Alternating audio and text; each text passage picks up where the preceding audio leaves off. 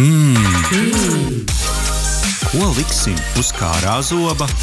Digitālo brokastu saldais ēdiens. Labrīt, klausītāji! Sveicam jūs atpakaļ pie digitālo brokastu galda. Sociālo tīklu lietotāju skaits pasaulē ir sasniedzis 4,75 miljardus cilvēku. 9 no 10 internetu lietotājiem izmanto arī kādu sociālo tīklu. Sociālajiem tīkliem augot un nostiprinoties mūsu ikdienā, attīstījies arī influencer mārketings, kas ir salīdzinoši jauna nodarbe. Un kāds mēdz gadīties ar jaunām nodarbēm, normatīvais regulējums un labās prakses vadlīnijas attīstās kopā ar šo profesiju. Ko nozīmē atbildīgi un godprātīgi veidot sociālo tīklu saturu un kādas ir jaunākās tendences influenceru pasaulē? Vaicāsim mūsu šīs dienas raidījuma viesim. Uh, un tā ir uh, Marija Vorkula, Latvijas Universitātes sociālās zinātņu fakultātes lektore, pētniece un doktorante. Labrīt! Labrīt! Un arī Ieva Florence Vīksne, influencere, radio un televīzijas personība, kā arī aktrise. Labrīt! Labrīt! Burvīga kompānija, Rihards, mums šeit pie digitālo brokastu galda, gan akadēmiskais, gan praktiskais. Ķeramies vērsim pie ragiem, Marija. Varbūt tu mums vari palīdzēt ieskicēt, kas tad ir varbūt tad tās galvenās šī brīža aktualitātes un tendences, kas varbūt ietekmē tieši Latvijas influenceru digitālā satura veidošanu un to nozari kopumā. Nu, vispār gribas sākt ar to, ka mm, pirms kādiem pieciem, desmitiem gadiem vairākiem sabiedrisko attiecību speciālistiem un arī mārketinga speciālistiem vēl bija bažas par to, vai influenceru mārketings vispār ir tā vērts, vai ir vērts ar to ņemties. Nu, tagad jau nevienam vairs nav nekādu bāžu, kā ar to ir vērts strādāt, ir vērts ieguldīt naudu. Nu, lūk, un arī starptautiskie pētījumi, ne tikai par Latviju, bet tā vispasaules mērogā, liecina, ka 9 no 10 uh, mārketinga speciālistiem uzskata šo kanālu par efektīvu, par vērtīgu. Mm -hmm. Tas ir ļoti, ļoti daudz. Un šis nozares apgrozījums iepriekšējā gadā ir sastādījis gandrīz 14 miljārdus ASV dolāru. Nu, tas ir ļoti liels apjoms. Nu, lūk, runājot par pēdējo gadu tendencēm, es laikam gribu ieminēties par divām. Pirmā ir tā, ka Šobrīd ir ļoti aktuāli sadarboties nevis ar makro līmeņa blogeriem un influenceriem, kas ir tādas zvaigznes kā Leonela Messi uh -huh. un viņam līdzīgi cilvēki, bet ar mikro influenceriem, kuriem seko līdz aptuveni 5000 sekotāju. Tas ir Latvijas līmenī vai pasaules līmenī 5000? Gan pasaulēs, gan arī gan, Latvijas. Gan. Uh -huh. Latvijā es teiktu, ka tas ir līdz tūkstotim. Hmm. Mm, tas mikro līmenis. Tas ir saistīts ar to, ka viņiem cilvēki vairāk uzticas. Viņiem ar viņu sekotājiem cilvēkiem veidojas tādas, ka, nu, tā, veidojas kā draudzība, tādas ļoti uzticamas attiecības. Tas ir pirmais trends, un arī otra lieta. Um, kas ir vairāk saistīta tieši ar šobrīd notiekošu karu Ukrajinā, ka vairs nedrīkst klusēt. Uh, vairs neder, kad tu klusē par kaut, kādam, uh, par kaut kādiem jautājumiem. Tavi sekotāji un sabiedrība sagaida no tevis, ka tu paudīsi savu viedokli un kaut kā ieskicēsi savu pozīciju. Mm -hmm. Nu, mums šeit studijā mums ir skatos, jau šobrīd, šo konkrēto brīdi, 60,8 tūkstoši sekotāji. Tāds kārtīgs, kārtīgs makro līmeņa influenceris sanāk, vai ne? Jā, un uh, tas ir. Uh, no 2015. gada. Cītīgi krāts. Cītīgi krāts, jā. Tas nav tāds sekotājs, kas varbūt būtu kaut kādā citā veidā iegūts tehnoloģiski, mm -hmm. bet uh, sekotājs, kurš uh, visticamāk ilgtermiņā jau man ir sekojis, vai arī nākuši ir klāt tie, kuriem tad interesē tas, par ko es runāju, vai ko daru, vai ko sludinu, vai mm -hmm. ko mhm. vēstu. Vai praksē izdodas sajust arī to, par ko stāstīja Marija, par to, ka tā reklāma devēja interese aug? Jā, reklāmas devēja interese noteikti ir palielinājusies, un tā augstākā, tāda, tāds augstākais punkts, kad es saņēmu ļoti ārkārtīgi daudz ēpastus, vēl bija pirms kara Ukrainā, kad sākās. Un uh, vēl nedaudz vēl pirms, uh, nu, kaut kur tāds uh, divi gadi vēl bija tāds augstākais punkts uh, tām reklāmām, kad uh, visi vēlējās visu un nezināja, kā. Mm -hmm. Un tad uh, katram no digitālā satura veidotājiem vai influenceriem uh, bija iespēja to darīt kā nu katrs mākā grib un uh, iegūt uh, savus labvēlus vai nelabvēlus uh, savos veidos. Un mm -hmm. tad, uh, nu, līdz ar to mēs pieskarsimies noteikti tēmai, kā tā sistēma un noteikumi, kas vēl joprojām nav izveidojušies. Jā, nu tieši, tieši par to arī mēs turpinām. Un, uh, sāksim ar, ar jautājumu, kas, manuprāt, ir aktualizējies nu, pēdējā gada, pēdējo divu gadu laikā, īpaši mūsu sabiedrībā, un tas ir par reklāmas satura uzrādīšanu. Jo nu, influenceris nopublicēja kādu skaistu stāstu, bet izrādās, ka viņš to ir diezgan mērķiecīgi darījis, lai reklamētu kaut ko, kas ir šī vai nu vizuālā satura vai kā citādi tajā ietverts. Un, un tad jautājums Marijai, kāda Latvijā šobrīd vispār ir pieņemta noteikumi vai kādas labās prakses vadlīnijas godprātīgai digitālā satura veidošanai influenceriem? Un vai vispār ir iespējas pārliecināties, ka tās tiek ievērotas? Nu, vispār par šo jautājumu ļoti vi- aktīvi visus informē PTAC, mm -hmm. gan parasto tiesību aizsardzības centrs. Tieši tā. Gan, ga- gan lietotājus, sekotājus, patērētājus, gan arī pašus influencerus par tiem noteikumiem, kā tad viņiem ir nu, jārīkojas, lai uzvestos godprātīgi teikt, pret savu auditoriju. Nu, lūk, un ideja pa lielam ir tāda, ja tu saņem kaut kādu samaksu par savu darbu, naudā vai graudā, tad tev par to ir jāpasaka saviem sekotājiem. Šeit interesanti ir tas, ka visi jau tā kā saprot, ka ja nu cilvēkam ir samaksāts, tad viņam uh, arī ir jānorada, ka saturs ir apmaksāts, tā ir reklāma, sadarbība vai kaut kas tam līdzīga. Par to ā, noradi, ka tā ir sadarbība, tur gan ir jautājumi, jo pētījumi rāda, ka ne visi saprot, kas ir sadarbība. Mm -hmm. Pareizāk būtu tomēr norādīt, ka tā ir reklāma vai ka saturs ir apmaksāts. Bet uh, daudz vairāk jautājumu rodas, kad uh, influenceris saņem dāvanu vai produktu testēšanai, vai kad uh, viņš nu, tā kā nesaņem uh, konkrētu samaksu, bet viņš piedālā, pie, piedalās um, informēšanas kampaņā. Ko tad viņam mm. ir jādara? Vai noradīt, vai nenoradīt? Un, un pie tam tajos brīžos droši vien arī īpaši grūti pārliecināties, vai tad ir pārkāpts vai nav pārkāpts. Tas, Tā uh, tas ir. Jā. Es zinu ar vienu gadījumu, kad tāds tā teikt, ir izsaucis pie sevis vienu influen influenceru, nesauksim vārdā, mm -hmm. bet viņam bija jāpierada, ka, viņa, ka viņam par šo nu, tā teikt, reklāmu nebija samaksāts, jo viņš tik tiešām nesaņēma nekādu samaksu. Bet viņa posts bija izveidots tāda veida, ka tur nu, bija ļoti nopietnas bažas, vai viņš tik tiešām nav saņēmis nekādu samaksu, jo viņš tā ļoti brutāli ir pateicis, ka man ļoti patīk šis produkts, jūs varat to iegādāties tur un tur, un bez mazliet tajā mājaslapā, un tagad vēl, uh, vēl ir atlaides. Mm. Mm -hmm. Cik ieva tavās no, novērojumos un praksē, cik godprātīgi ir ā, nu, šie reklāmu izplatītāji? Nāk arī kādreiz no tādu, nu, varbūt neieliec to hashtagu, un tad būs labi, būs labāk. Kādas kopumā novērojums par tiem, kas, kas mēģina izplatīt, vai, vai, vai tomēr visi jau spēlē pēc noteikumiem?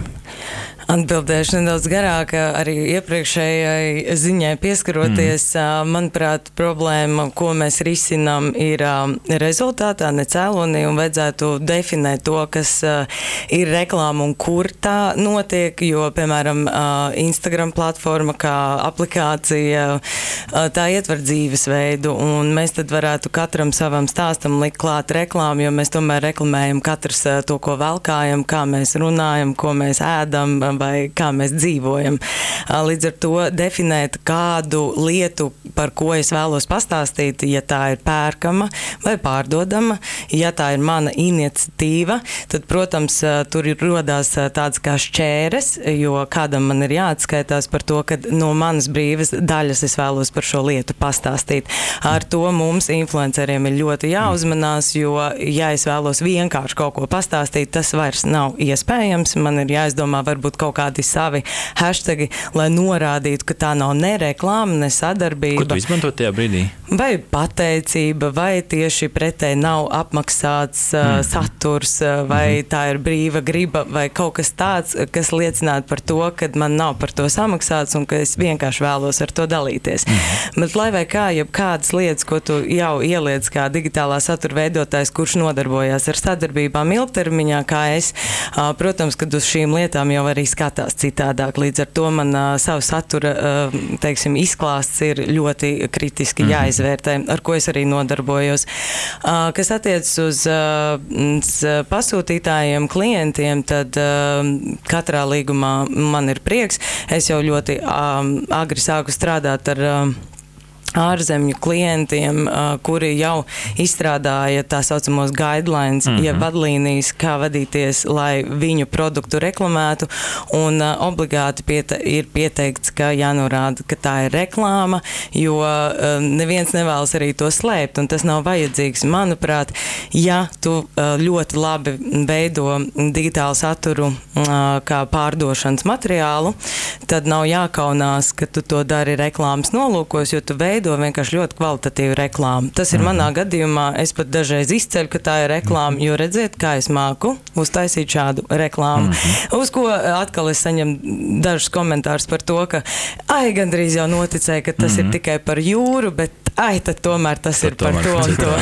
nu, izklausās, ka šeit gan izvēle vajag tādu detalizētu sarakstu nu, pretī, nu, tas šo lietot tad un tad, šo lietot tad un tad. Nu, palielam, šis saraksts jau ir pieejams pat tāds mājaslapā. Mm -hmm. Viņiem ir, viņi pat ir izstrādājuši, ka mm, buklets, nebuklets, mm -hmm. bet, nu, tā kā brošūra, tā mhm. teikt, kur, ar kuru var iepazīties, jā, ar vadlīnijām, un tur diezgan, diezgan mm -hmm. skaidri viss ir norādīts. Un, man liekas, arī pat, tāds, jeb patērēt tiesību aizsardzības centrs ir diezgan tāda atvērta komunikācijā ar mm -hmm. šiem uh, influenceriem influenceriem. Vismaz tādā manīs sociālajos tīklos, tā ka arī draudzīgi vienkārši aicina. Nē, nu, es vienkārši zinu, ka viņi bija piedalījušies vairākos pasākumus, mm. lai mhm. skaidrotu to savu ideju. Viņi paši bija rīkojuši mm. pasākumus. Es zinu, ka viņiem drīkst tā kā uzrakstīt mm. un mhm. uzdot jautājumu, kā man rīkoties. Tad, nu, Nedrīkst, bet tā ir jābūt atbildēt, vai ne? Tā ir jābūt. Tam sociālajos tīklos komunicē, kas ir labi. Uh, atlikušajās desmit minūtēs ienestam vēl tādu interesantu uh, slāni dziļāk. Šeit uh, konkrēts piemērs no Norvēģijas. Viņi ir gājuši jau, nu, gribētu teikt, tādu vienu soli tālāk, vairs nav runa par hashtagiem,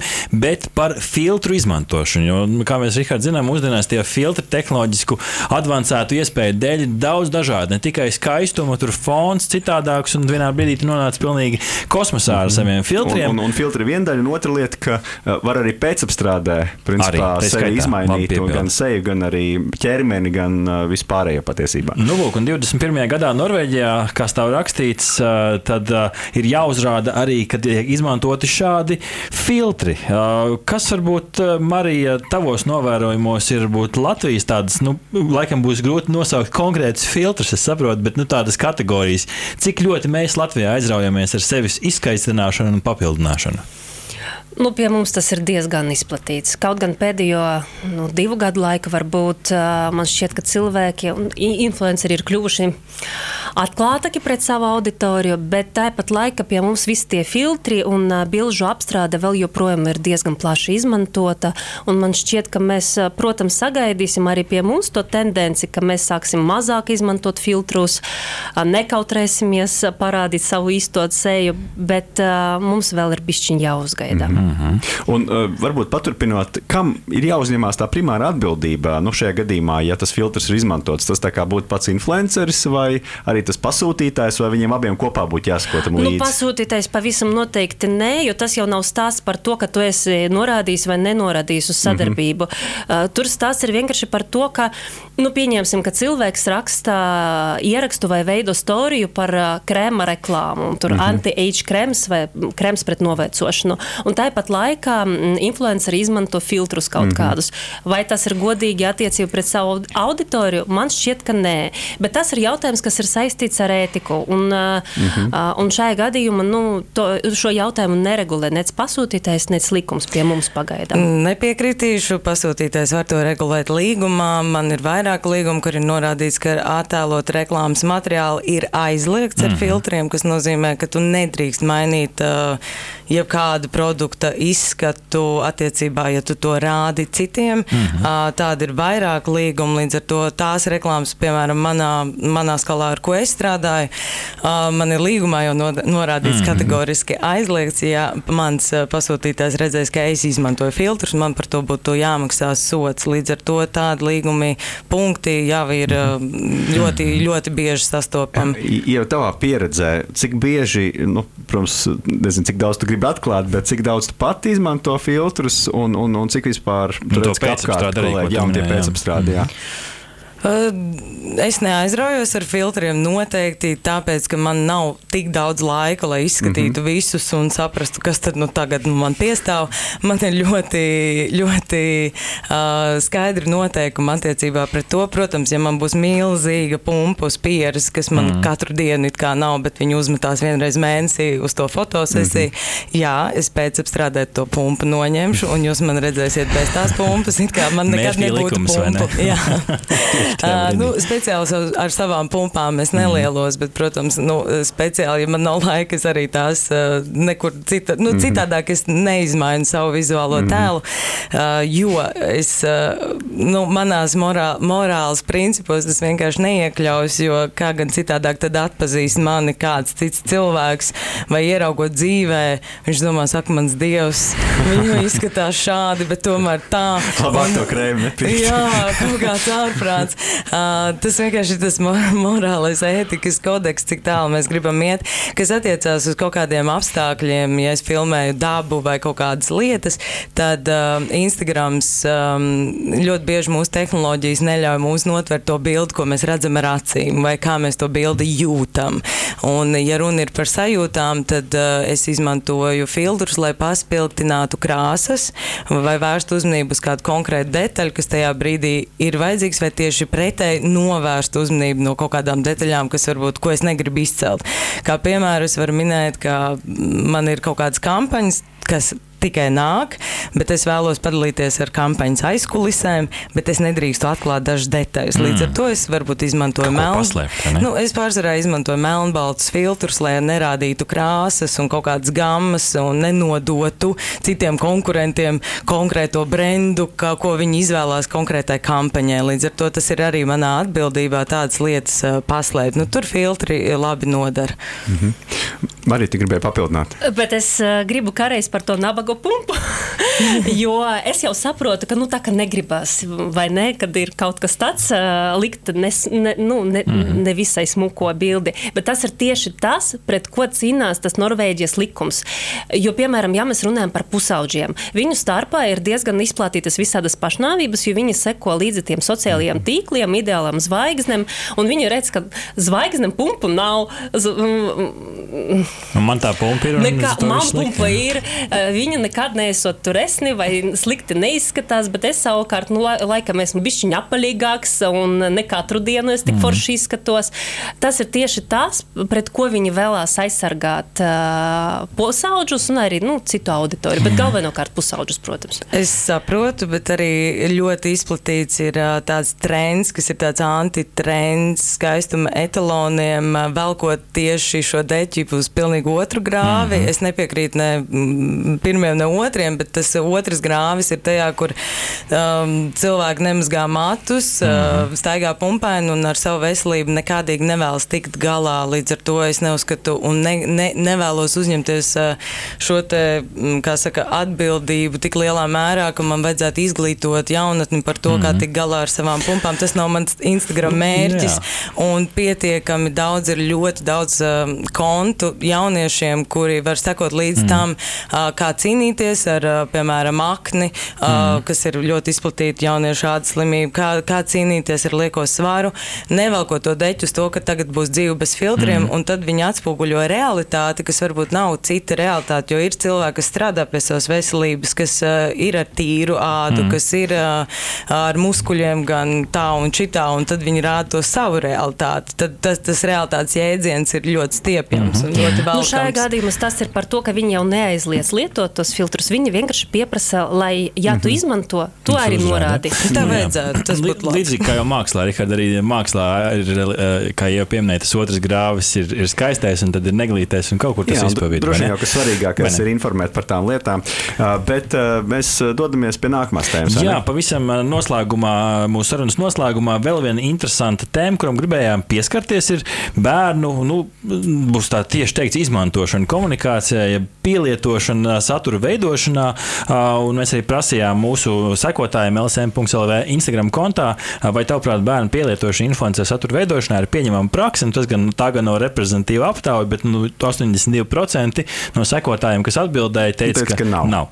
Uh, kā šobrīd Latvijā izskatās ar bērnu pielietošanu saturā, vai kaut, ko, vai kaut kas to regulē, arī ir ka, kaut kur rakstīts kādā likumā, vadlīnijās, vai uz katras sirdsapziņas? Es varu kļūdīties, bet man šķiet, ka mums nav nekāds īpašs likums. Mm -hmm. Bet es saku, es varu kļūdīties. Mm -hmm. Bet atkal jautājums par to izmantošanu. Ko nozīmē izmantošana? Ja tu atveido savu dzīvi, radot mm -hmm. savu bērnu, vai tā ir izmantošana? Mm -hmm. Laikam nav.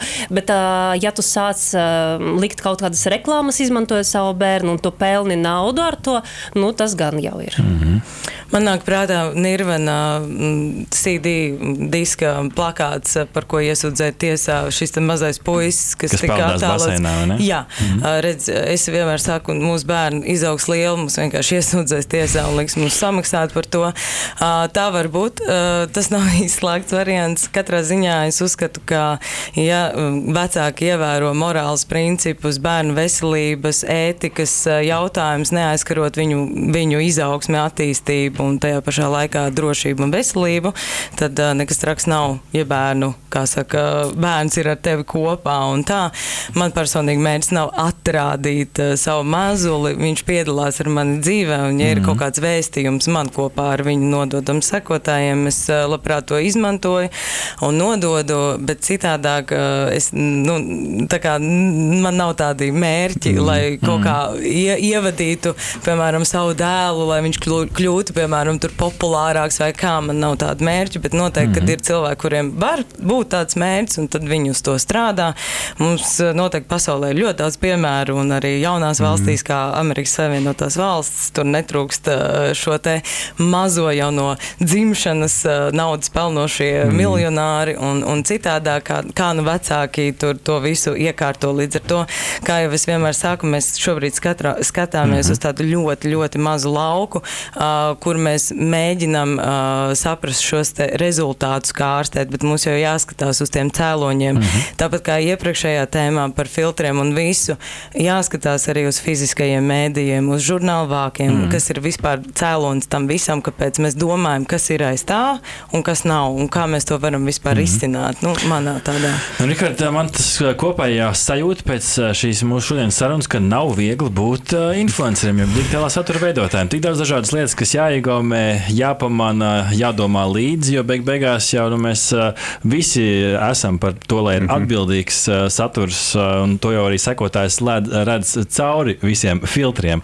Bet katrā ziņā nu, daudz to noteikumu. Labi, ka vismaz ir kādas vadlīnijas jau Jā. šobrīd Latvijā. Nu jā, un, un noteikti paliek tie sekotāji, kur varbūt neredz cauri, un droši vien viņu dēļ arī strādā patērētāja tiesības, ai- tiesība aizsardzības centrs. Un, droši vien arī, ka mēs jau visi saprotam, ka tā etika ir svarīga, bet, nu, lai to pilnībā izprastu, noteikti ir kāds laiks jāpavada nozarē, un arī noteikti jāmācās, lai, lai to varētu izdarīt pēc iespējas labāk.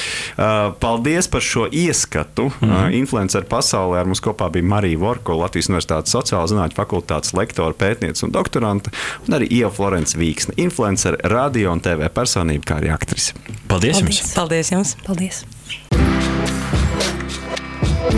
Aha! Paldies, ka noklausījāties mūs līdz galam! Ja patika, uzspiediet laiku, atstājiet komentāru vai padalieties ar draugiem. Un nobaudiet arī citas epizodes, kā arī sekot mums, lai nepalaistu garām savu ikdienas tehnoloģiju ziņu devumu.